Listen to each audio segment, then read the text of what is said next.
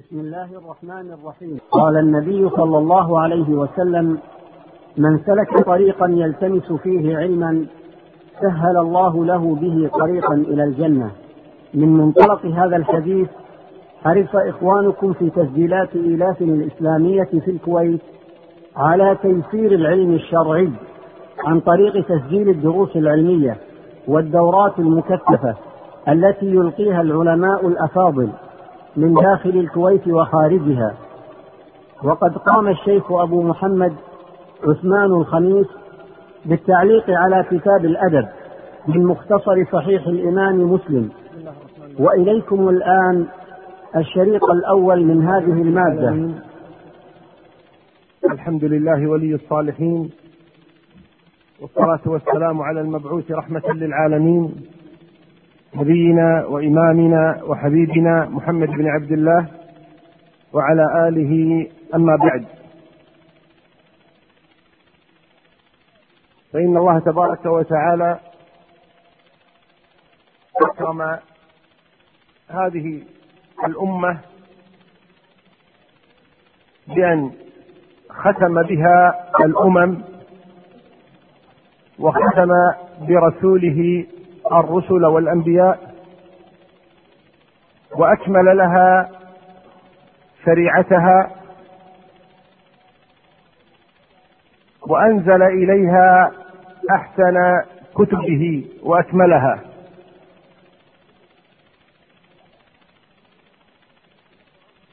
ولقد تعهد الله تبارك وتعالى بحفظ كتابه العزيز في قوله جل وعلا إنا نحن نزلنا الذكر وإنا له لحافظون. وحرص علماء هذه الأمة وعلى رأسهم أصحاب محمد صلى الله عليه وآله وسلم على حفظ سنته. وسنته هي كل ما ثبت عنه من قول أو فعل أو تقرير. فنقلوا للأمة سنة هذا النبي الكريم. حتى وصلت إلينا بيضاء نقية. ولقد اتخذ أهل العلم طرقا كثيرة في جمع سنة النبي صلى الله عليه وآله وسلم فمنهم من حرص على أن لا يجمع في كتابه إلا ما صح منها ومنهم من حرص على أن يجمع الصحيح والضعيف والمكذوب ومنهم من حرص على أن يجمع الصحيح والضعيف فقط ومنهم من حرص على أن يجمع الصحيح فوفق ومنهم من حرص على أن يجمع الصحيح فأخطأ في بعضها. ومن هؤلاء الجهابذة الكبار الإمام مسلم بن الحجاج أبو الحسين القشيري النيسابوري. ذلك الإمام الذي اهتم بصحيح سنة النبي صلى الله عليه وآله وسلم فجمع كتابا وسماه بالصحيح. الصحيح المسند. وتلقته الأمة بالقبول. حتى إن بعض أهل العلم قدمه على كل كتب الدنيا بعد القرآن الكريم. ومن لم يقدمه على جميع الكتب جعله الثاني بعد صحيح الإمام البخاري. والإمام مسلم بن الحجاج من علماء القرن الثالث الهجري. وكان عالما محدثا. رحل كثيرا في طلب العلم بل قيل إنه لم يرحل أحد من علماء المسلمين خاصة الأئمة الستة ومن شابههم كمثل رحلته. وكان حريصا في جمعه لسنة النبي صلى الله عليه وآله وسلم على أن ينقلها بحرفها. وفي هذه قدم على الإمام البخاري. حتى قيل تشاجر قوم في البخاري ومسلم يدي وقالوا أي يدين نقدم؟ فقلت لقد فاق البخاري صحة كما فاق في حسن الصناعة مسلم. فتميز الإمام مسلم رحمه الله تبارك وتعالى بحسن الصناعة ودقة الألفاظ وصحة الأسانيد.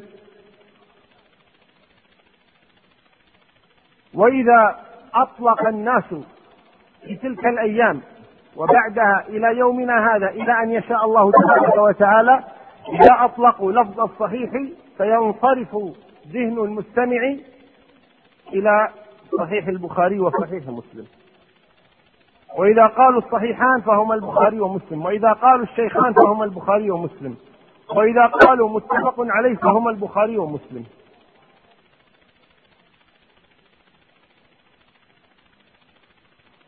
وكان هذا الإمام الإمام مسلم بن الحجاج رحمه الله تعالى درس على ثلة من المشايخ من الشيوخ الكرام الحفظة. من أبرزهم شيخه الإمام البخاري رحمه الله تعالى ومحمد بن يحيى الذهلي ومحمد بن عبد الله بن نمير وغيرهم من أئمة هذا الشأن. وتتلمذ على يديه أئمة كبار. كأمثال عبد الرحمن بن أبي حسن والترمذي وابن خزيمة وغيرهم من الأئمة. وما زال الناس يتناقلون يتناقلون هذا الكتاب إلى يومنا هذا ويتدارسونه بينهم. عمدنا في هذه الدورة العلمية إلى هذا الكتاب لعل الله تبارك وتعالى أن ينفعنا بما فيه من الحق.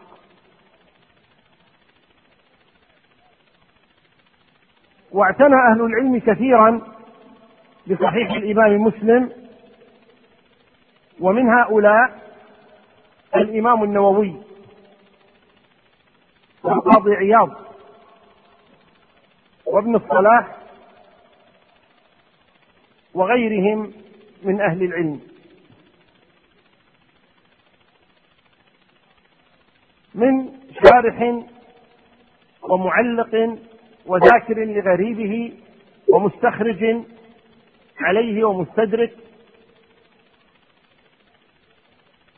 وسنقرأ في هذه الدورة مختصرا بهذا الكتاب ألا وهو اختصار الإمام عبد العظيم بن عبد القوي المنذري.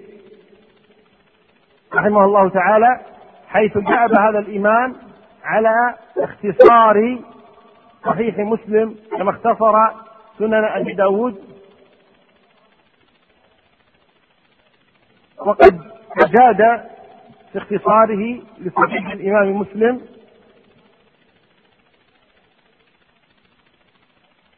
وكان هذا الإمام أي المنذري عالما من علماء الحديث. يذكرون أنه كان محدثا ومفتيا لمصر فذكروا أنه لما دخل العز ابن عبد السلام سلطان العلماء لما دخل مصر وكان يحدث قبل أن يدخل مصر. يعني يروي بالأسانيد قبل أن يدخل مصر. فلما دخل مصر وكان فيها الشيخ عبد العظيم المنذري امتنع العز عن التحديث. فلما قيل له لماذا لا تحدث؟ قال لا يمكن أن أحدث. وهذا الشيخ موجود أبدا. بل أنا آتي وأستمع إليه أكون كأحد تلاميذه. فأبى أن يحدث ولزم التلمذة للمنذري. وفي الوقت ذاته كان المنذري مفتي مصر فامتنع عن الفتية. فلما قيل له قال لا يفتى وهذا الرجل موجود يعني العز بن عبد السلام. فارتبطت الفتوى بالعز بن عبد السلام وارتبطت دراسة الحديث بعبد العظيم المنذري رحم الله الجميع. وتوفي المنذري رحمه الله تعالى في القرن السابع الهجري سنة ست وخمسين وستمائة. نسأل الله تبارك وتعالى أن يرحمه برحمته. وقد اخترنا بعض الأبواب في كتاب الإمام مسلم لنتدارسها ونستفيد منها خلال هذه الدورة. فسيكون محور حديثنا عن كتاب الأدب في صحيح الإمام مسلم. بسم الله الرحمن الرحيم. الحمد لله رب العالمين والصلاة والسلام على أشرف المرسلين نبينا محمد وعلى آله وصحبه وسلم ثم أما بعد. اللهم اغفر لشيخنا والحاضرين. قال المنذري رحمه الله كتاب الأدب.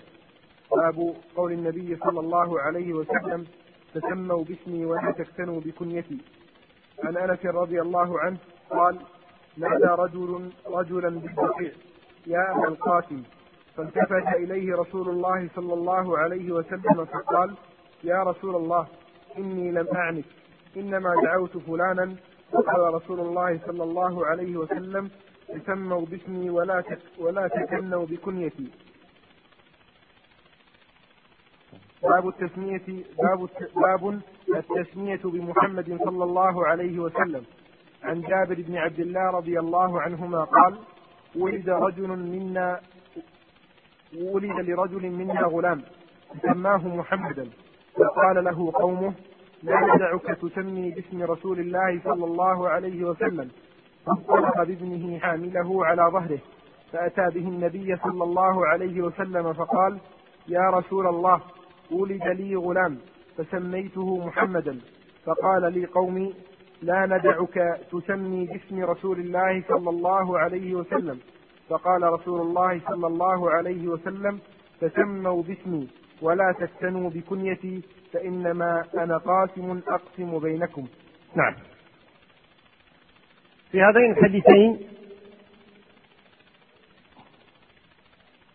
الحديث الأول والحديث الثاني كلاهما يدلان على أمر ألا وهو قول النبي صلى الله عليه وآله وسلم تسموا باسمي ولا تكنوا بكنيتي. النبي صلى الله عليه وآله وسلم كما هو معلوم اسمه محمد وله أسماء أخرى كأحمد والمقفي والحاشر ولكن محمدا أشهر أسمائه. وكنيته أبو القاسم. صلوات الله وسلامه عليه. وأسماء النبي صلى الله عليه وآله وسلم كلها تدل على معان قائمة فيه. فهو محمد بالاسم وهو محمد بالصفة. صلوات الله وسلامه عليه. وهو أحمد بالاسم وأحمد بالصفة. وكذلك الحاشر وكذلك المعقب وكذلك المقفي صلوات الله وسلامه عليه. وكل أسمائه تدل على معان. أما غيره فقد تدل أسماؤه على معان وقد لا تدل. قد تصدق عليه وقد لا تصدق. وإنما يصدق الاسم على المسمى في أسماء الله تبارك وتعالى وفي أسماء القرآن الكريم وفي أسماء النبي صلى الله عليه وآله وسلم. أما غير ذلك فيمكن أن يطابق الاسم المسمى ويمكن أن يخالفه. فكم من الناس من اسمه صالح وهو ليس بصالح؟ وكم من النساء من اسمها إيمان أو هدى وهي ليست كذلك؟ وكم من الحاضرين الآن اسمه خالد وهو ليس بخالد بل هو ميت. إنك ميت وإنهم ميتون. وقد يكون اسم الرجل عادل وهو ليس بعادل وهكذا.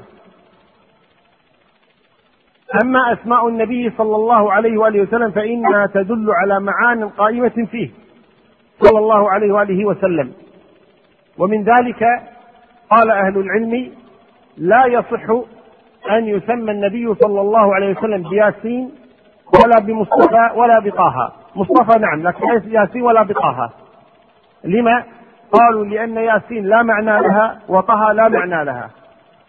وليس هو مدح ليس هو مدحا للنبي صلى الله عليه وآله وسلم. وإنما أسماؤه تدل على معان قائمة فيه. صلوات الله وسلامه عليه. وهنا لقول النبي صلوات الله وسلامه تسموا باسمي ولا تكنوا بكنيتي. هذان الحديثان أخرجهما البخاري كذلك في صحيحه. واختلف البخاري مع مسلم في هذه الرواية وهي في حديث جابر أنه ولد غلام فسمي محمدا. وفي رواية البخاري سمي أو كني بأبي القاسم. وعلى كل حال النبي أذن أن يتسمى باسمه ونهى عن أن يكن الرجل بكنيته. ولأهل العلم في هذه المسألة خمسة أقوال. لأهل العلم في هذه المسألة خمسة أقوال. القول الأول أن المنهي عنه هو كنيته وليس اسمه. ولذا علل قال فإنما أنا قاسم أقسم بينكم. أنتم لا تقسمون. المنهي الكنية وليس الاسم. يجوز لكل أحد يسمي محمدا ولكن لا يجوز أن يكنى بأبي القاسم بغض النظر عن اسمه. اسمه محمد خالد يوسف عبد الله إبراهيم أي اسم كان. المهم أن لا يكنى بأبي القاسم. النهي عن الكنية لا عن الاسم. بدليل قوله تسموا باسمي ولا تكنوا بكنيتي. هذا الأول. الثاني من أقوال أهل العلم أن المنهي عنه هو الجمع بينهما. يعني إذا تسمى الإنسان بمحمد لا يتسمى بأبي القاسم. وإذا تسمى بأي اسم آخر فليكن بأبي القاسم. لكن المنهي عنه أن يجمع اسم النبي وكنية النبي صلى الله عليه وآله وسلم. أما إذا أخذ أحدهما أخذ الاسم أو أخذ الكنية لا مانع. لكن لا يجتمع الاسم والكنية في شخص واحد. هذا القول الثاني. القول الثالث أن هذا للتنزيه لا للتحريم. يعني كراهة تنزيه وليست كراهة تحريم يعني يجوز على الكراهة. يجوز الإنسان يسمى أن يتسمى بمحمد وأن يسمى بأبي القاسم ولكن يكره ذلك. لا يحرم يكره لا يأثم من يفعله ولا يجبر على التغيير. وأن النهي نهي نهي كراهة وليس نهي تحريم. كم قول الآن ذكرنا؟ ثلاث أقوال؟ ما هي؟ نعم.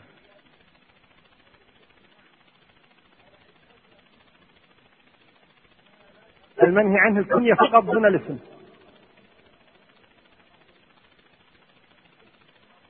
اسم الكنية. الثالث أن الكراهة كراهة التنزيه وليس التحريم. نعم أن النهي للتنزيه وليس للتحريم. لكن كأن الناس ما سمعوك وأنت تجيب. نريد شخصا صوته جهوري يقوم ويتكلم ويذكرنا الثلاثة. يلا آخر واحد. المنهي عنه الكنية وليس الاسم. أن النهي عن الجمع بينهما. أن النهي للتنزيه وليس للتحريم. أحسنت. طيب هذه ثلاثة أقوال. أنا قلت كم قلت. يعني مجبر سمعت اثنين بحث طيب. قالوا كذلك هذا الأمر منسوخ. كان هذا في أول الأمر ثم أذن النبي صلى الله عليه وسلم. يعني كان نهى عن ذلك ثم أذن. نهى عن ذلك في أول الأمر ثم أذن. بدليل أن عليا رضي الله عنه أتى النبي صلى الله عليه وآله وسلم فقال يا رسول الله إذا ولد لي ولد. أسميه محمدا قال نعم. قال وأكنيه بأبي القاسم؟ قال نعم. قالوا هذا يدل على أن الأمر نسخ. كان قد نهى النبي عن ذلك في أول الأمر صلوات الله ثم أذنه فيكون ماذا إذا؟ نسخ. يكون نسخ. نسخ الأمر ألغي الحكم الأول. القول الخامس قالوا إنما هذا في حياته صلى الله عليه وآله وسلم. وأما بعد وفاته فما في أي مشكلة. النهي إذا عن أن يتسمى ويتكنى الإنسان بهذا بحياته ليس بعد وفاته. لما؟ قال لأنه سبب القصة. الرجل يقول يا أبا القاسم فيأتي إليه النبي؟ فيقول لم أعنك. هل فيها حرج للنبي صلى الله عليه وآله وسلم؟ قال فيها حرج للنبي صلى الله عليه وسلم. فلذلك قالوا هذا في حياته أما بعد وفاته الأمر إيش؟ واسع. لأنه في حياته يقع المحظور وهو أن ينادي رجلا وهو يريد النبي صلى الله عليه وسلم أو يسب رجلا كما جاء عن عمر رضي الله عنه أنه جاء رجل سمى ولده محمدا فقال تسمون أولادكم محمدا ثم تسبونهم؟ فيسب رسول الله صلى الله عليه وسلم ثم أمره بتغيير اسم ولده. فيكون هذا إذا إيش؟ حتى لا يقع اللبس وهو أن السب أو المناداة تكون رجل ويظن النبي أن ذلك له صلوات الله وسلامه عليه. فتجتمع بذلك خمسة أقوال. من البطل الذي سيعيدها كلها؟ الخمسة كلها. عبد الرحمن عودتنا البطولة.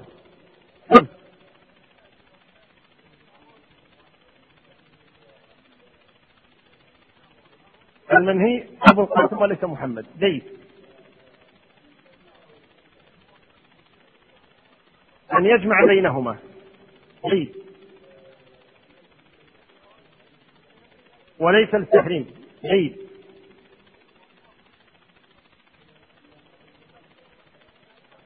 نعم يكون في أما بعد وفاته ففيه سعة. دليل أنه أذن لعلي. نعم. ثم نسخ نعم. وهذا وهو النسخ أو الإذن بعد وفاته هو الذي جرى عليه جماهير علماء السلف من هذه الأمة. ولذلك اشتهر كثير من أبناء الصحابة بهذا الأمر. ومحمد بن أبي بكر الصديق كنيته أبو القاسم. ومحمد بن علي بن أبي طالب كنيته أبو القاسم. ومحمد بن عبد الرحمن بن عوف كنيته أبو القاسم. ومحمد بن طلحة بن عبيد الله كنيته أبو القاسم. ومحمد بن حاطب بن أبي بكعة كنيته أبو القاسم.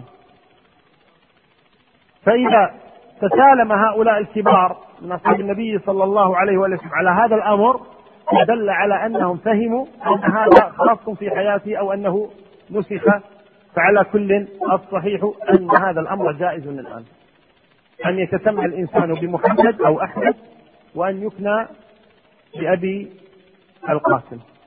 وإن كان تركه أفضل خروجا من الخلاف ولكن من حيث الجواز الظاهر أنه يجوز. بدليل فهم الصحابة رضي الله عنهم لهذا الأمر كأبي بكر وعلي الرحمن بن عوف وحاطب وسعد وطلحة. كل هؤلاء كان لهم أبناء وجعفر بن أبي طالب. كل هؤلاء كان لهم أبناء اسمهم محمد وكل واحد منهم محمد وكنيته أبو القاسم. إحنا في الكوتش نقول أبو أبو جاسم. غيرنا شوي. ألغينا القاف وضعنا مكانها الجيم. غيرنا ها؟ قد يكون هذا من باب إيش؟ الخروج. من هذا الخير ما تسمى أبو القاسم وإنما سمى أبو الجاسم. لكن الجاسم والقاسم إيش؟ واحد. طيب. اذا هذا الحديث الأول أو الحديثان الأولان. وهو قول النبي صلى الله عليه وسلم تسموا باسمه ولا تكنوا بكنيته نعم. باب أحب الأسماء إلى الله تعالى عبد الله وعبد الرحمن. عن ابن عمر رضي الله عنهما قال قال رسول الله صلى الله عليه وسلم إن أحب أسمائكم إلى الله عبد الله وعبد الرحمن. باب تسمية المولود عبد, عبد الرحمن. عن جابر بن عبد الله رضي الله عنهما قال ولد لرجل منا غلام فسماه القاسم. فقلنا لا نكنيك أبا القاسم ولا ننعمك ولا ننعمك عينا. أتى النبي صلى الله عليه وسلم فذكر ذلك له فقال أسمي ابنك عبد الرحمن. باب تسمية المولود عبد الله ومسحه والصلاة عليه.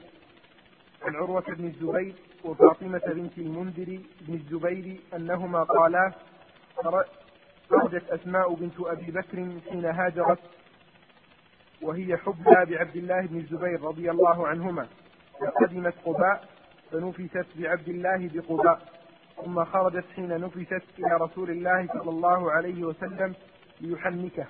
فأخذه رسول الله صلى الله عليه وسلم منها ووضعه في حج في حجره.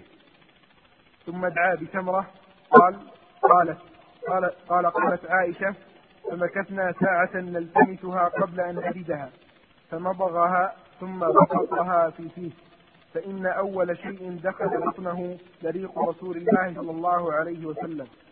ثم قالت أسماء ثم مسحه وصلى عليه وسماه عبد الله ثم جاء وهو ابن سبع وهو ابن سبع سنين أو ثمان ليبايع رسول الله صلى الله عليه وسلم. وأمره بذلك الزبير رضي الله عنه. فتبسم رسول الله صلى الله عليه وسلم حين رآه مقبلا إليه ثم بايعه. نعم. في هذه الأحاديث الثلاثة التي ذكرها بيان أحب الأسماء إلى الله. وذلك أن النبي صلى الله عليه وآله وسلم قال أحب الأسماء إلى الله عبد الله وعبد الرحمن. وذلك أن اسم الله هو أخص أسماء الله به. ويأتي بعده اسم الرحمن. كما قال الله تبارك وتعالى قل ادعوا الله أو ادعوا الرحمن. فهذان الاسمان هما أخص أسماء الله تبارك وتعالى به. ودائما يتقدمان على سائر الأسماء. بسم الله الرحمن الرحيم. فالقصد أن تسمية المولود بعبد الله وعبد الرحمن هذا من أحب الأعمال إلى الله تبارك وتعالى. لأن هذين الاسمين من أحب الأسماء إلى الله تبارك وتعالى عبد الله وعبد الرحمن. ويأتي بعد هذين الاسمين كل ما عبد لله تبارك وتعالى من الأسماء كعبد القدوس وعبد السلام وعبد المؤمن وعبد المهيمن وعبد العزيز وعبد الرزاق وهكذا. كلما كان الاسم مرتبطا برب العزة تبارك وتعالى كلما كان هذا أفضل. وأفضل هذه الأسماء عبد الله وعبد الرحمن. ثم ضرب لذلك مثالين. تطبيقيين. وهو أن رجلا سمى ولده محمدا. سماه القاسم كما قلنا هذا حديث أي جابر مختلف فيه. هناك من يقول سماه محمد وهناك من يقول سماه القاسم. فقال له قومه لا والله لا ننعمك به عينه يعني لا نناديك بأبي القاسم. سميه القاسم ونناديك أبا القاسم؟ لا أبو القاسم واحد معروف وهو النبي صلى الله عليه وآله وسلم. لا ننعمك عينا لا نسعدك بهذا الاسم. فذهب الرجل إلى النبي صلى الله عليه وآله وسلم يذكر له ما وقع من قومه. فالنبي صلى الله عليه وسلم حسم هذا الأمر وقال سم ابنك عبد الرحمن. انتهى الأمر. سمه عبد الرحمن؟ فحول النبي اسمه من القاسم إلى عبد الرحمن. وفي الحديث الثاني حديث عبد الله بن الزبير أو حديث عروة بن الزبير عن أبي عن أخيه عبد الله وهو أن أسماء بنت أبي بكر أول ما قدمت المدينة كانت حاملا وهي مهاجرة. فولدت عبد الله بن الزبير في المدينة وهو أول مولود يولد للمهاجرين في المدينة. أول مولود يولد للمهاجرين في المدينة هو عبد الله بن الزبير. فأتي به إلى النبي صلى الله عليه وآله وسلم. فحنكه والتحنيك هو أن يأخذ تمرة ثم يمضغها حيث يخرج طعامتها ويلينها بفمه ثم يأخذها بإصبعه فيضعها فيمرها داخل فم الصبي يستطعمها يتلمضها. هذا هو التحنيك. واختلف أهل العلم هل التحنيك خاص بالنبي صلى الله عليه وسلم؟ فلا يحنك. غيره غيره أو أن هذا التحنيك عام في كل رجل صالح يمكن أن يحنك الصبيان. أما النبي فهو بركة باتفاق. مبارك. رجل مبارك باتفاق. أما غير النبي صلى الله عليه وسلم فقد يكون وقد لا يكون. لكن المبارك هو النبي صلى الله عليه وآله وسلم. لأنه معصوم. صلوات الله وسلامه عليه. الشاهد اختلف أهل العلم هنا هل التحنيك خاص بالنبي أو يمكن أن يحنك غير النبي صلى الله عليه وسلم؟ والأكثر على أنه يمكن أن يحنك غير النبي صلى الله عليه وسلم من رجل معروف بالصلاح. فحنكه النبي صلى الله عليه وسلم. وانتهوا إلى قول أم المؤمنين عائشة رضي الله عنها التمسنا ساعة نبحث عن تمرة. وذلك لقلة الطعام في ذلك الوقت. هذا كان في أول الهجرة. حيث كانت الحاجة. حيث سماهم الله تبارك وتعالى الفقراء المهاجرين الذين أخرجوا من ديارهم وأموالهم. فقراء لا يملكون شيئا. حتى إنه كان يأتي الضيف إلى رسول الله صلى الله عليه وسلم فيسأل النبي تسعة أبيات من بيوته. صلوات الله وسلامه. فلا يجد في بيت طعاما. تسعة أبيات من بيوت ولا بيت فيه عشاء لضيف واحد. فلا يتأفف ولا يتأذى صلوات الله وسلامه. عليه هذا هو الواقع والحمد لله. فيلتفت إلى صديقه من يكرم ضيف رسول الله. فيأتي الصحابي أبو أيوب أو يأتي الصحابي أبو طلحة أو يأتي أبو بكر أو يأتي فلان من الصحابة يقول يا رسول أنا أخذ ضيفك. وهكذا وتمشي الأمور بسهولة. فلا يعيب الإنسان أن يكون فقيرا. بعض الناس يستعر من الفقر. ويرى أنه عيب وأنه لا يجوز أن يعلم الناس أنه فقير. فليعلم الناس أنك فقير وليعلموا أنك عزيز الفقر ليس عيبا. النبي صلى الله عليه وسلم هنا يبحث عن تمرة ليحنك بها عبد الله بن الزبير فلا يجد. إلا بعد مدة. فيأتونه بالتمرة صلى الله عليه وسلم فيحنكه بها. ويدعو له. صلوات الله وسلامه عليه. تقول أسماء ثم مسحه وصلى عليه. صلى عليه يعني دعا له. كما قال الله تعالى وصل عليهم أدعو لهم. فصلى عليه النبي صلى الله عليه وسلم وكان أول شيء وذلك أن الصحابة كانوا يتبركون بالنبي صلى الله عليه وسلم أول شيء يعني وصل إلى ريق عبد الله بن زبير بعد ولادته هو ريق النبي صلى الله عليه وآله وسلم. أول شيء وصل إلى جوفه. هو ريق النبي حيث مضق التمرة صلوات الله وسلم وجعلها في فم عبد الله بن الزبير. فكانت هذه بركة من النبي صلى الله عليه وآله وسلم حيث إن أول شيء وصل إلى معدته هو ريق النبي صلوات الله وسلامه عليه. ذلك الرجل المبارك. ثم لم يكتفي النبي صلى الله عليه وسلم بذلك حتى مسح عليه وصلى عليه أي دعا له صلوات الله وسلامه وسماه عبد الله يقول عبد الله بن الزبير سميت عبد الله على جدي وكنيت بكنيته. إذا عبد الله بن الزبير سمي على جده وكني بكنية جده. من جده؟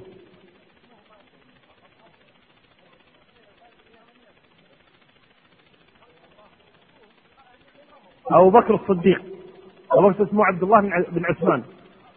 جده أبو بكر الصديق اسمه عبد الله بن عثمان.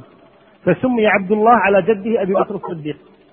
سمي عبد الله على جده من أمه أبو بكر الصديق وكني بأبي بكر. وكنية عبد الله بن زبير أبو بكر. إذا تسمى باسم جده وتكنى بكنية جده كذلك. فهو عبد الله أبو بكر وجده عبد الله أبو بكر. تسمى وتكنى باسم وكنية جده أبي بكر الصديق. ثم بعد ذلك لما بلغ السابعة من عمره أو الثامنة أتي به إلى النبي صلى الله عليه وآله وسلم ليبايع. وفي مثل هذا السن هو غير مطلوب منه أن يبايع وذلك أنه لم يبلغ بعد. ولكن أراد الزبير أن يتبرك ابنه عبد الله بمبايعة النبي صلى الله عليه وسلم. فإذا قال أهل العلم هذه البيعة بيعة بركة وليست البيعة الواجبة. وإنما هذه بيعة بركة. ولذلك تبسم النبي صلى الله عليه وآله وسلم حين أتاه عبد الله ليبايعه. وبايعه صلوات الله وسلامه عليه. وذكر أهل العلم أنها ظهرت بركة دعاء النبي صلى الله عليه وسلم سواء على عبد الله أو على غيره مما سيأتينا إن شاء الله تعالى. لكن الشاهد أنه لما دعا النبي صلى الله عليه وآله وسلم لعبد الله بن الزبير فعلا كان من أكارم وأكابر أصحاب النبي صلى الله عليه وسلم وكان من الشجعان الأفذاذ الذين كان كانت الشجاعة مضربا المثل فيهم. تتمثل الشجاعة بهم. حتى إنه قيل لأحد شجعان العرب قيل له من أشجع الناس؟ من أشجع الناس؟ هذا عمر بن حمزة سئل من أشجع الناس؟ قال أشجع الناس ثلاثة. المهلب بن أبي صفرة وعمر بن معد يكرب ومصعب بن الزبير. هؤلاء أشجع الناس. فقيل له أين عبد الله بن الزبير؟ يعني عبد الله بن الزبير قد اشتهر بالشجاعة. أين عبد الله بن الزبير؟ قال أنتم سألتم عن الناس. هذا كنا نعده من الجان. لا نعده من الناس فوق الناس. ما كنا نعده من الناس بفوق شجاعته. ولذلك عبد الله بن الزبير هذا شارك في حروب الردة وله عشر سنوات. شارك في حروب الردة وعمره إحدى عشرة سنة.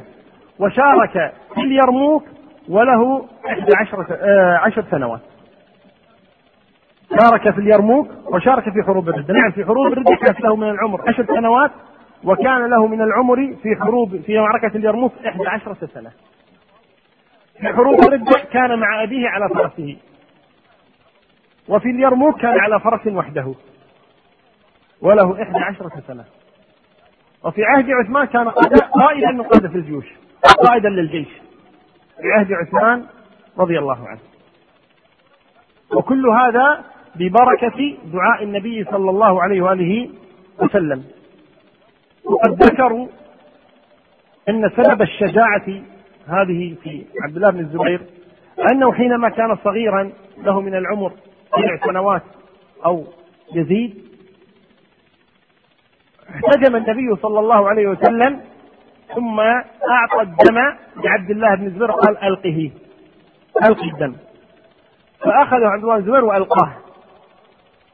فلما رجع سأله النبي صلى الله عليه وسلم قال أين الدم؟ قال ألقيته. قال أين؟ قال في مكان لا يصل إليه أحد. قال لعلك شهدته. قال نعم. فشرب دم النبي صلى الله عليه وآله وسلم وله من العمر سبع أو ثمان سنوات. وهذا ليس مطلوبا ولا يجوز شرب الدم لكن هكذا فعل هو صغير. في ذلك الوقت وظن أن هذا الأمر جاز لشدة محبته للنبي صلى الله عليه وسلم. شرب دم النبي صلوات الله وسلامه عليه. قالوا ومن ذلك رأوا أن الشجاعة المفرطة التي كانت فيه إنما هي من هذا الدم الذي شربه من النبي صلى الله عليه وآله وسلم. على كل إذن النبي صلى الله عليه وسلم أخبر بلفظه أن أحب الأسماء إلى الله عبد الله وعبد الرحمن وطبق صلوات الله وسلامه فعلا حيث سمى ابن الأنصاري عبد الرحمن وسمى ابن الزبير العوام عبد الله. نعم. عن أنس بن مالك رضي الله عنه قال كان ابن لأبي طلحة يشتكي. فخرج أبو طلحة فقبض الصبي. فلما رجع أبو طلحة قال ما فعل ابني؟ قالت أم سليم هو أسكن مما كان. فقربت إليه العشاء فتعشى فقربت؟ فقربت؟ فقربت إليه العشاء فتعشى ثم أصاب منها. فلما فرغ قالت وارو وار الصبي فلما أصبح أبو طلحة أتى رسول الله صلى الله عليه وسلم فأخبره. فقال أعرفتم الليلة قال نعم. قال اللهم بارك لهما. فولدت غلاما فقال لي أبو طلحة احمله حتى تأتي به النبي صلى الله عليه وسلم.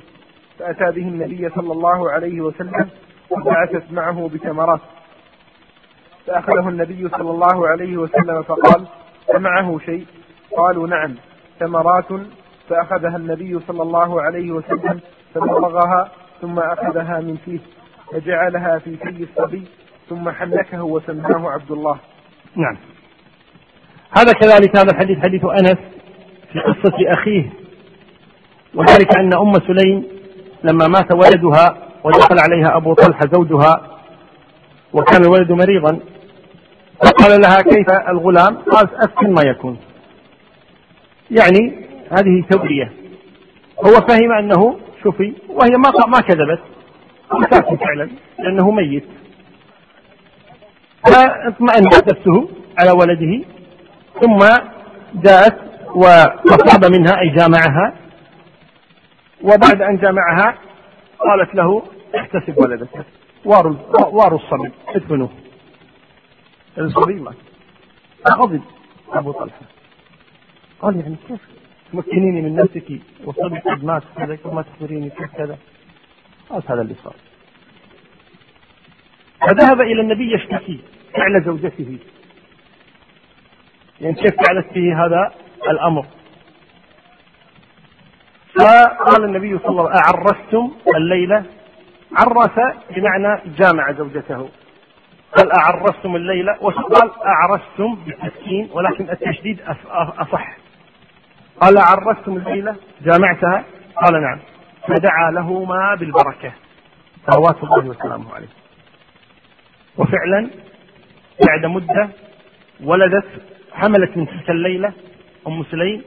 ثم بعد مدة ولدت وجاء أبو طلحة بالصبي إلى النبي صلى الله عليه وآله وسلم.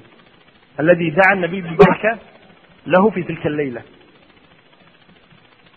ولما أتي به النبي صلى الله عليه وسلم قال معه شيء نعم أرسل التمرات فأخذ التمرات صلوات الله ثم مضغها كما فعل بعبد الله بن الزبير ثم حنكه. صلوات الله وسلامه عليه وسماه عبد الله. ويقول أهل العلم ببركة دعاء النبي صلى الله عليه وسلم فإن عبد الله هذا كان له عشرة من الولد كلهم علماء. عبد الله هذا الذي دعا له النبي صلى الله عليه وسلم عبد الله بن أبي طلحة بدعاء النبي صلى الله عليه وسلم. ولد له عشرة من الولد كلهم علماء صالحون. وهذا يبين لنا يعني أن هذا النبي حق صلوات الله وسلامه عليه.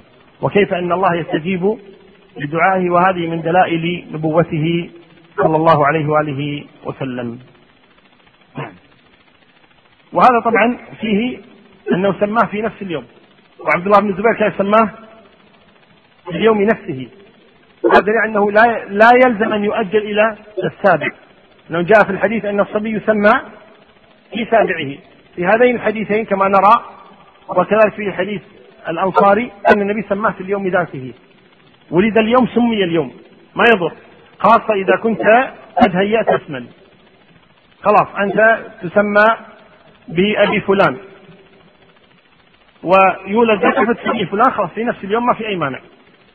لكن المشكلة لما تغير.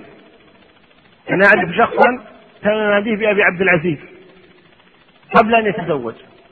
وتزوج ورزقه الله بعد سنتين.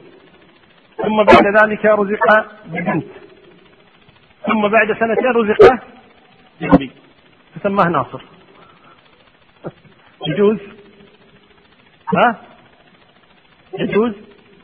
يعطونها سين ناديه عبد العزيز يعني يروح يدقر له به فالمهم إذا إذا كان الاسم جاهزا يعني يكنى بهذا الاسم دائما ينادى ابو فلان أبو فلان ابو فلان وسمي به مباشرة في نفس اليوم ما في أي مانع ابدا. لكن له أن يغير له أن يغير له أن يؤجل إلى السابع له أن يؤجل إلى السابع ولو بعد السابع. لكن القصد أن تأخير التسمية إلى السابع لا مانع منه ويسمى في السابع. لكن لو سمي في اليوم ذاته ما يضر كما قال الله تبارك وتعالى عن مريم عن أمها ماذا قالت؟ قالت رب إني وضعتها آه، قالت إني وضعتها أنثى والله أعلم بما وإني سميتها مريم. بمجرد أن ولدت سمتها مريم. هذا جائز لا بأس به. بل إن النبي صلى الله عليه وسلم لما ولد له إبراهيم سماه إبراهيم في اليوم نفسه. صلوات الله وسلامه فالتسمية في اليوم نفسه لا مانع منها. نعم. باب في التسمية بأسماء الأنبياء والصالحين. عن المغيرة بن شعبة رضي الله عنه لما قدم لما قدمت نجران سألوني فقالوا إنكم تقرؤون يا أخت هارون وموسى قبل عيسى بكذا وكذا. فلما قدمت على رسول الله صلى الله عليه وسلم سألته عن ذلك فقال إنهم كانوا يسمون بأسماء إنهم كانوا يسمون بأنبيائهم والصالحين قبلهم. باب تسمية المولود لإبراهيم. عن أبي موسى رضي الله عنه قال ولد لي غلام فأتيت به النبي صلى الله عليه وسلم فسماه إبراهيم وحنكه بتمرة. نعم.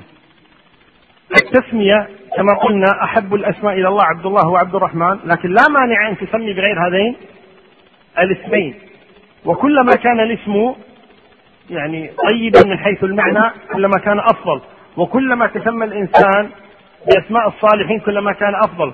وإذا كانوا يحرصون على أن يسموا بأسماء الصالحين المغيرة بن شعبة لما أرسله النبي إلى نجران يعلمهم الدين مع أبي عبيدة أشكلوا عليه إشكالا حيث كانوا نصارى فأشكلوا عليه إشكالا. قالوا تعال في القرآن يقولون تقولون عن مريم يا أخت هارون.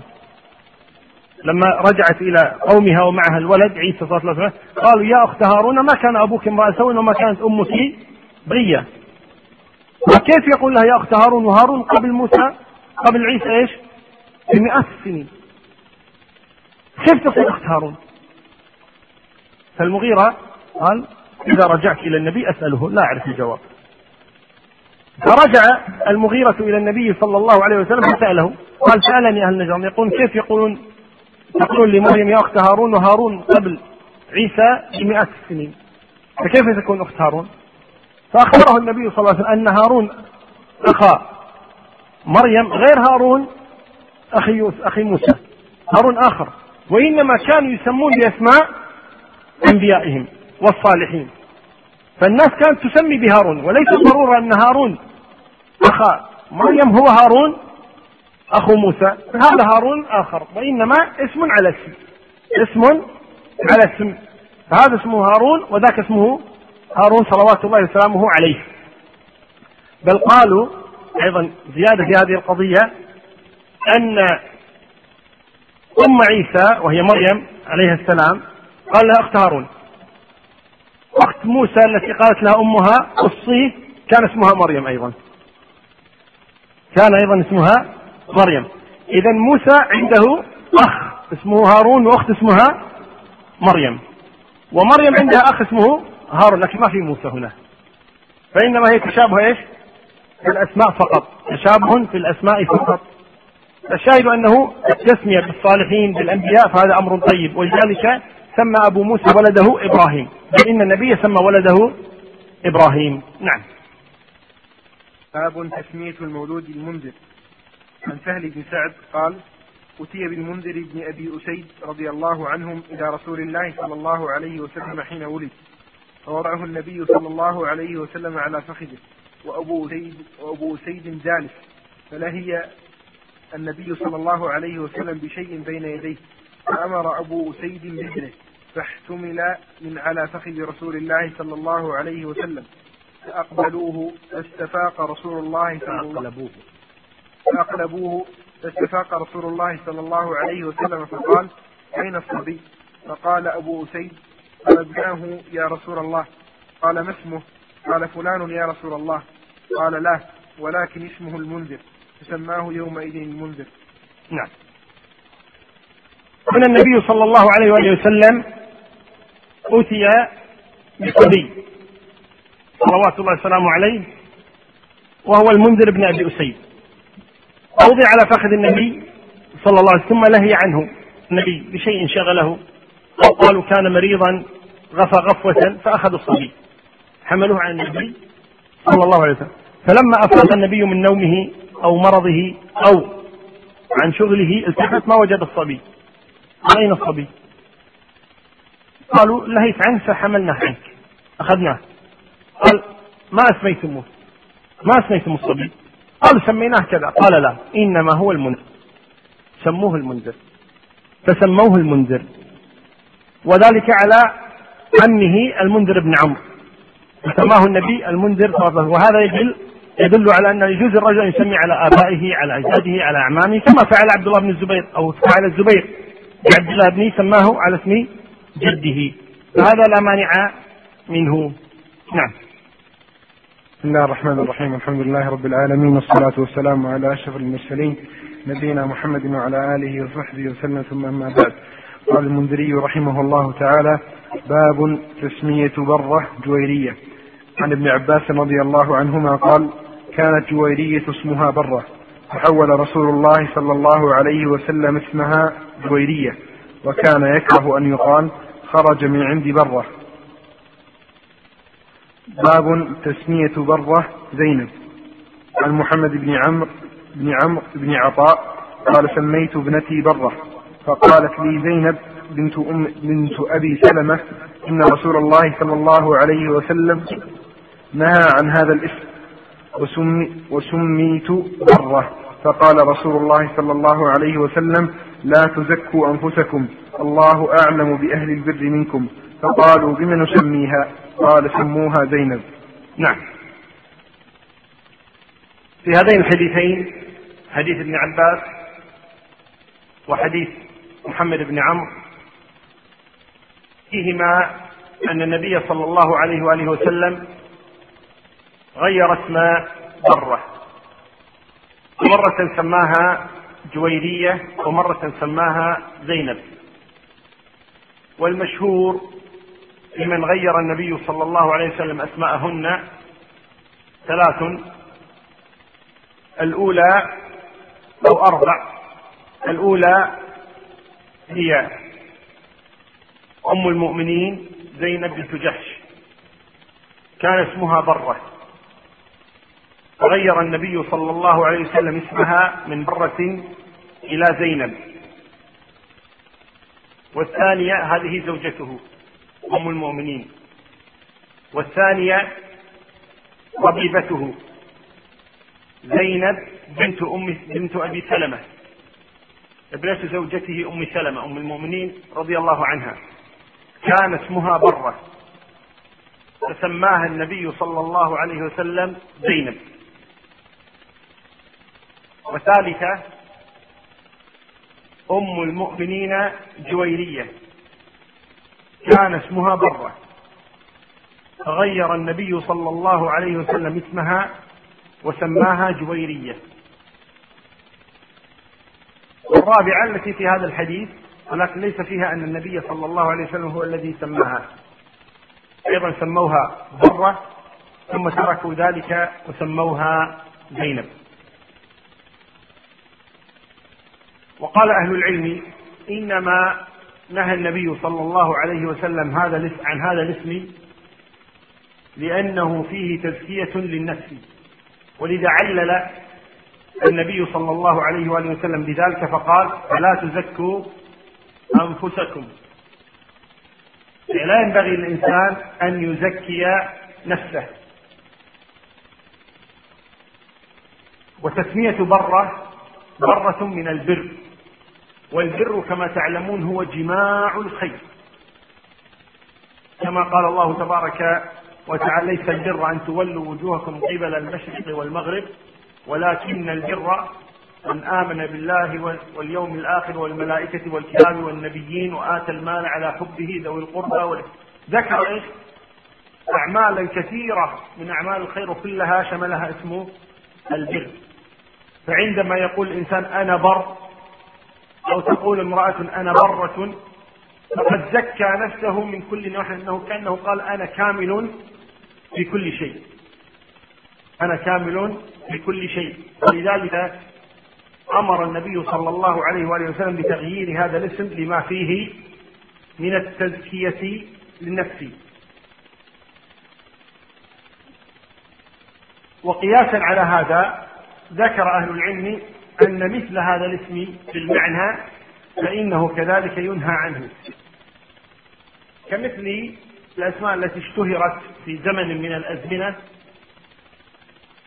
كتقي الدين وزكي الدين وعماد الدين وناصر الدين وغير ذلك من الألقاب التي أيضا فيها تزكية للنفس فكره أكثر أهل العلم تلك الألقاب. وابتلي فيها بعض العلماء فما كانوا يتسمون بها لكن الناس كانوا يسمونهم وينادونهم بها وكانوا يكرهون ذلك في جملتهم. لأن هذه الألقاب أو لأن تلك الألقاب فيها تزكية للنفس. ولذا لما جاء رجل النبي صلى الله عليه وآله وسلم قال له النبي صلى الله عليه وسلم ما اسمك؟ قال أنا أبو الحكم. قال أبو الحكم؟ قال نعم. قال بما سميت ذلك؟ بما سميت ذلك.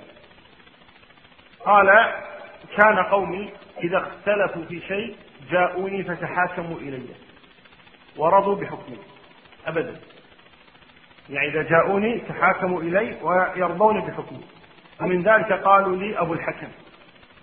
فقال النبي ذاك شيء حسن. يعني أنهم يأتونك وتفصل بينهم وبالحق والعدل ويرضون بذلك. هذا شيء طيب. وإلا في كثير من البلاد الناس لا يقبلون عادة بحكم القاضي. لكن كون هذا يرضى الناس بحكمه سواء حكم لهم أو عليهم هذا شيء حسن. ولكن النبي صلى الله عليه وسلم رضي الفعل وهو أن الناس يتحاكمون إليه ويرضون بحكمه ولم يرضى التسمي بذلك الاسم. فقال له النبي صلى الله عليه وسلم فهل لك من ولد؟ قال نعم. قال ما اسمه؟ قال شريح وعبد الله.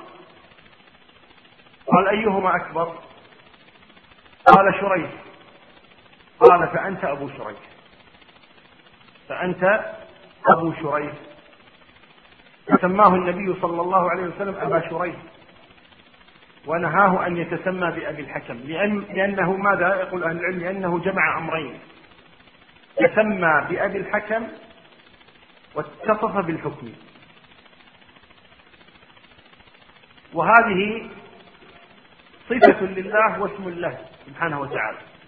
وإذا يقول أهل العلم لو اكتفى بالاسم دون الصفة أو بالصفة دون الاسم لكان النبي قد قبل وإذا كان من أسماء أصحاب النبي صلى الله عليه وسلم الحكم بن عمرو ومن أسماء أصحاب النبي صلى الله عليه وسلم حكيم بن حزام. ما غير اسميهما النبي صلى الله عليه وسلم.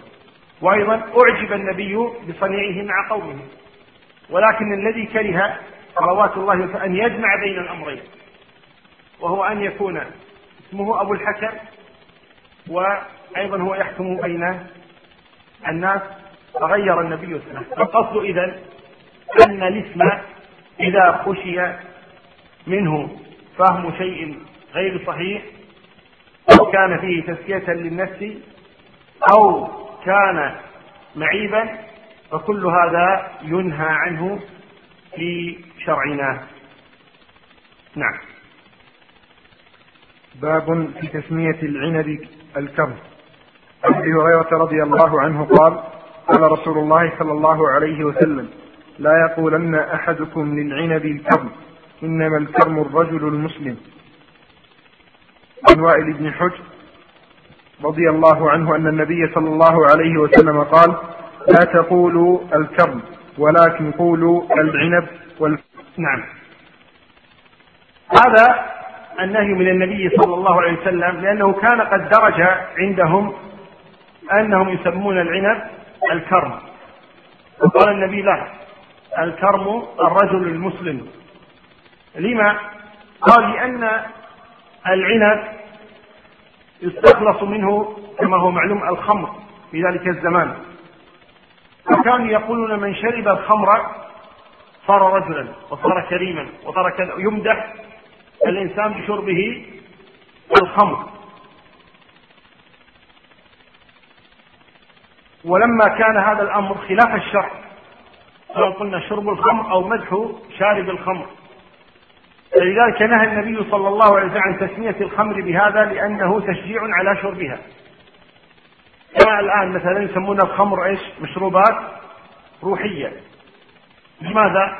لأنهم إن سموها خمرا يعني امتنع الناس منها. فسموها بغير اسمها لنروج على الناس. وكذلك هنا سموا الخمر الكرم وأخذ هذا الاسم حتى يستسهل الناس شرب الخمر. فنهى النبي صلى الله عليه وآله وسلم عن ذلك. وقال سموها كما كما سمى هو عنب. تبقى على اسمها وهو العنب ولا تسمى بالكرم لهذا السبب. نعم. باب النهي أن يسمي بأفلح ورباح ويسار ونافع عن ثمرة بن جندب رضي الله عنه قال نهانا رسول الله صلى الله عليه وسلم أن نسمي رقيقنا بأربعة أسماء أسماء أفلح ورباح ويسار ونافع. عن ثمرة بن جندب رضي الله عنه قال قال رسول الله صلى الله عليه وسلم أحب الكلام إلى الله عز وجل أربع سبحان الله والحمد لله ولا إله إلا الله والله أكبر. لا يضرك بأيهن بدأت ولا تسمين ولا تسمين غلامك يسارا ولا رباحا ولا نجيحا ولا أفلح فإنك تقول أسم هو فلا يكون فيقول لا. إنما هن أربع فلا تزيدن علي. باب الرخصة في ذلك. عن جابر بن عبد الله رضي الله عنهما قال أراد النبي صلى الله عليه وسلم أن ينهى عن أن يسمي ال... أراد النبي صلى الله عليه وسلم أن ينهى عن أن يسمى بمقبل وببركة وبأفلح وبيسار وبنافع وبنحو ذلك. ثم رأيته سكت بعد عنها فلم يقل شيئا ثم قبض رسول الله صلى الله عليه وسلم ولم ينهى ولم ينهى عن ذلك. ثم أراد عمر رضي الله عنه أن ينهى عن ذلك ثم تركه. نعم. في هذه الأحاديث الثلاثة كذلك حديث أو حديثات سمرة سمرة وحديث جابر فيه أن النبي صلى الله عليه وآله وسلم نهى عن أسماء معينة أن يتسمى الإنسان بها. عن أسماء معينة أن يتسمى الإنسان بها. وهي أفلح ونجاح ورباح ويسار وفي رواية نافع. نهى النبي عن هذه الأسماء صلوات الله وسلامه عليه. لماذا؟ قال علل النبي ذلك فقال لعله أن يأتي أحد فيقول عندكم رباح أو عندكم يسار أو عندكم نافع أو عندكم أفلح أو أنجح. فلا يكون موجودا فيقال لا.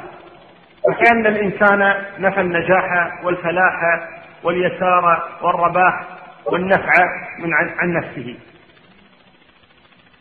كما جاء في الأسماء الأخرى عندكم برة لا ما عندنا بر. عندكم إيمان لا ما عندنا إيمان والعياذ بالله. هذه الكلمات لما كان يعني قد تأتي على معاني سيئة لذلك كره النبي صلى الله عليه وآله وسلم ذلك. وأمر أن تغير هذه الأسماء أو نهى أن يتسمى الإنسان بها. وقد ذهب جماهير أهل العلم إلى أن النهي هنا للكراهة وليس للتحريم.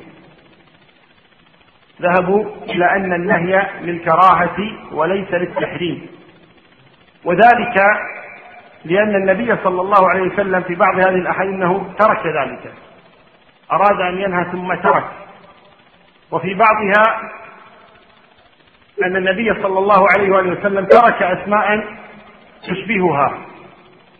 ترك أسماء تشبهها بل ترك بعضها.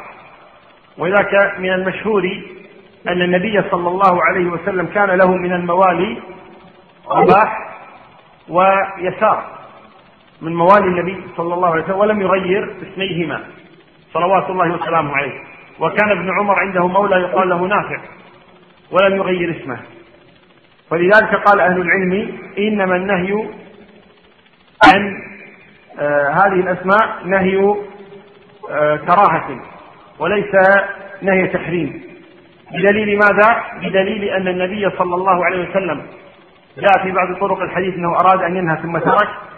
وفي أحاديث أخرى أن النبي صلى الله عليه وسلم كان له موالي بهذه الأسماء ثم كذلك التعليل الذي علل به النبي صلى الله عليه وسلم يدل على أن النهي نهي كراهة وليس نهي تحريم. ويشبه هذه الأسماء اسم صالح مثلا عندكم صالح لا ما عندنا وغير ذلك من الأسماء. ولذا إنما ينهى عن الأسماء الجامعة كمثل اسم برة وعكسها اسم فاجرة أو فاجر. فهذه الأسماء التي تشمل أسماء البر كلها هذه التي ينهى عنها. أما بقية الأسماء فتركها أو لا؟ تركها أو لا؟ أو يكون النهي عنها نهي كراهة ولا يبلغ إلى التحريم. وهنا في حديث سمرة وهو قول النبي صلى الله عليه وسلم أحب الكلام إلى الله عز وجل أربع. سبحان الله والحمد لله ولا إله إلا الله والله أكبر لا يضرك بأيهن بدأت هذا من الذكر الطيب المبارك الذي إذا ذكر العبد ربه بها بهذه الأذكار رفع الله جل وعلا درجته. ولذلك ينبغي للمسلمين جميعا أن يحرصوا على هذه الأذكار صباحا ومساء في جلوسهم وفي قيامهم في عملهم وفي بيوتهم. في آه، سفرهم وفي آه، حضرهم. في كل وقت. عود الإنسان أحيانا تفوت علينا الأوقات الكثيرة ونحن ساكتون هكذا. عود لسانك أن يلهث بذكر الله. فإن كان الذكر مع حضور القلب فهذا خير عظيم. فإن لم يكن حضور القلب بحيث أن الذهن يكون مشغولا بشيء آخر لا بأس أن تكرر هذا الذكر ولو لم يكن القلب حاضرا وفيه أجر عظيم. وإن كان لا شك الذي يذكر وقلبه حاضر أجره أعظم عند الله تبارك وتعالى ولكن إن لم يكن القلب حاضرا فلا أقل من أن يتحرك بها اللسان. يتحرك بهذه الأذكار. عود نفسك دائما. وأنت جالس وأنت قائم وأنت تمشي وأنت تريد النوم وأنت تجلس في مجلس وأنت تحضر في محاضرة أو غير ذلك حال سكوت الإمام حال سكوت المدرس حال أن تعود لسانك دائما أن تذكر الله تبارك وتعالى أن تسبح وتهلل وتكبر الله جل وعلا. وهنا في قوله إنما هن أربع فلا تزيدن علي اختلف أهل العلم في هذه الكلمات. إنما هن أربع فلا تزيدن علي. هل هذا من كلام النبي صلى الله عليه وآله وسلم أو من كلام آه، سمرة بن جندب؟ يعني هل النبي قال هن أربع فلا تزيدن علي؟ أو سمرة بن جندب هو الذي قال هن أربع فلا تزيدن علي؟ يعني الظاهر أقصد تسأله طيب واسم صالح واسم آه، خالد واسم مالك واسم كذا. وقال هن أربع فلا تزيدن. هكذا سمعت من النبي صلى الله عليه وسلم أو أن النبي صلى الله عليه وسلم علم أن الناس سيسألون عن أسماء مشابهة لهذه الأسماء فقال هن أربع فلا تزيدن علي. ظاهر صحيح مسلم أن هذا الكلام من كلام النبي صلى الله عليه وآله وسلم. ولكن جاء في بعض الطرق أنه من كلام سمرة ابن جندب وتحتاج إلى بحث إن شاء الله تعالى. وهنا الكراهة كما قال أهل العلم للتنزيه لبشاعة الجواب كما قلنا. لبشاعة الجواب. وهو عندما يقول عندكم نجاح لا ما عندنا نجاح. عندكم يسار لا ما عندنا يسار. الجواب يكون إيش؟ يكون قبيحا من هذا الوجه. ثم قد يعني الناس بعد ذلك يتطيرون من هذا. قد يقع التطير من الناس بهذا. وذلك لكثرة الجهل بالناس قد يقع عندهم تطير يعني ما عندهم يقول عندكم لا ما عندك ما أكيد في شيء. اليوم شكلها خربانة. من الصدق ما في ما في عندهم نجاح ما في عندهم أنا حاسس أن المسألة ما هي طيبة. يلغي سفره يلغي تجارته يلغي ما قام إليه وهكذا يتطير. بهذه الأسماء في عدم وجوده. ولذلك كان النبي صلى الله عليه وسلم يكره قبيح الأسماء. صلوات الله وسلامه عليه. يكره قبيح الأسماء. ولكنه ما كان يتطير بها. يكره اسم ضرار. ويكره اسم مانع. و آه، عاصي وغير ذلك من الأسماء كان يكرهها. صلوات لكن ما كان يتطير بها ابدا صلى الله لكنه كان يحب الأسماء الحسنه ويتفاءل بها فالتفاؤل خير لأن فيه احسان ظن بالله تبارك وتعالى. فطيب أن الإنسان يتفائل بل المتفائل إن أتى شيئا حسنا؟ أما التشاؤم والتطير فهذا خلاف ما أمر الله تبارك وتعالى به. ولذلك النبي صلى الله عليه وسلم ما كان يتطير وكان يتفاءل. صلى الله عليه وآله وسلم. فلا يجوز التطير بهذه الأسماء ولا بأس بالتفاؤل بها لأن التفاؤل كما قلنا هو من باب إحسان الظن بالله جل وعلا وإنما هذه الأسماء لا أثر لها لا في هذا ولا في هذا وإنما القصد أن الإنسان ترتاح نفسه عندما يسمع مثل هذه الأسماء الطيبة بشكل عام. نعم. باب تسمية العبد والأمة والمولى والسيد. عن أبي هريرة رضي الله عنه قال قال رسول الله صلى الله عليه وسلم لا يقل أحدكم اسق ربك وأطعم ربك وأبضئ ربك ولا يقل أحدكم ربي وليقل سيدي ومولاي ولا يقل أحدكم عبدي أمتي وليقل فتاي وفتاتي فتاي فتاتي غلامي.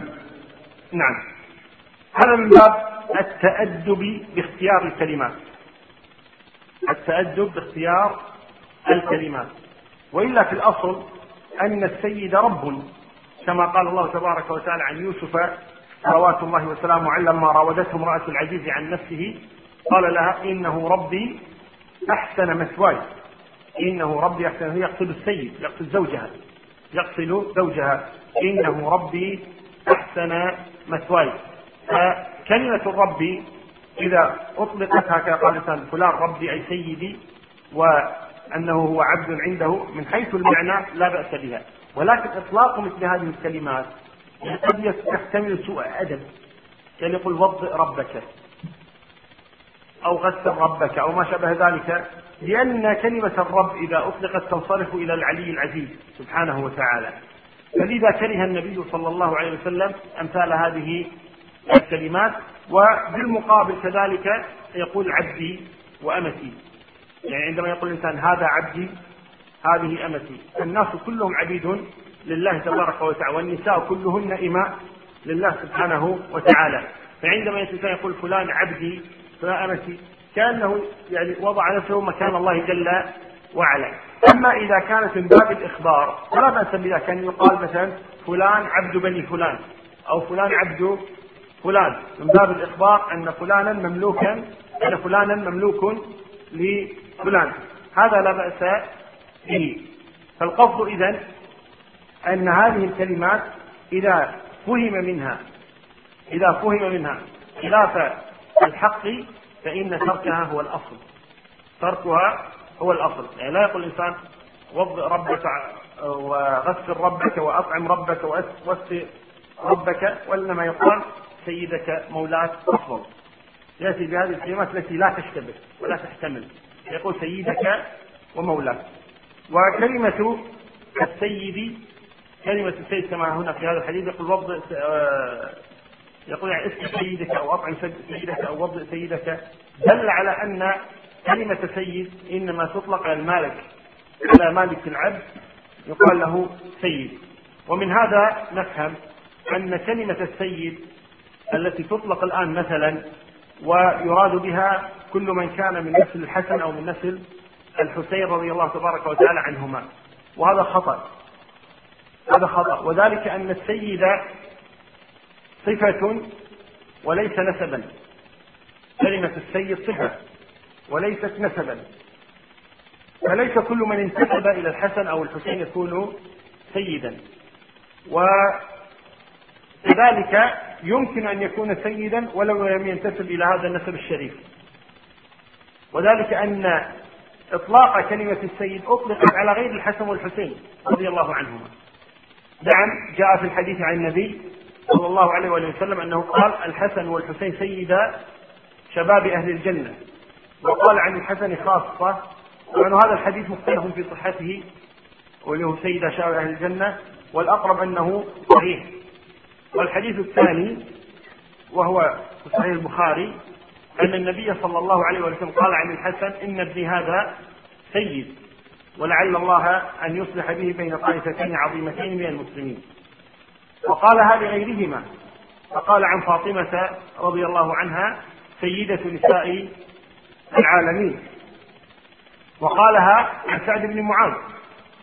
قال صلوات الله وسلامه عليه لما أتي بسعد بن معاذ قال قوموا إلى سيدكم. وقالها عمر عن أبي بكر. وعن بلال. لما قال رضي الله عنه أبو بكر سيدنا وأعتق سيدنا. يعني بلالا. وهذا في البخاري.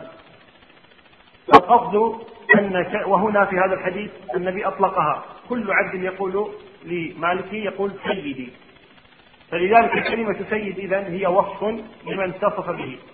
وهو من كان مالكا لعبد يقال له سيده أو من حمل الصفات الطيبة فإنه يقال له سيد.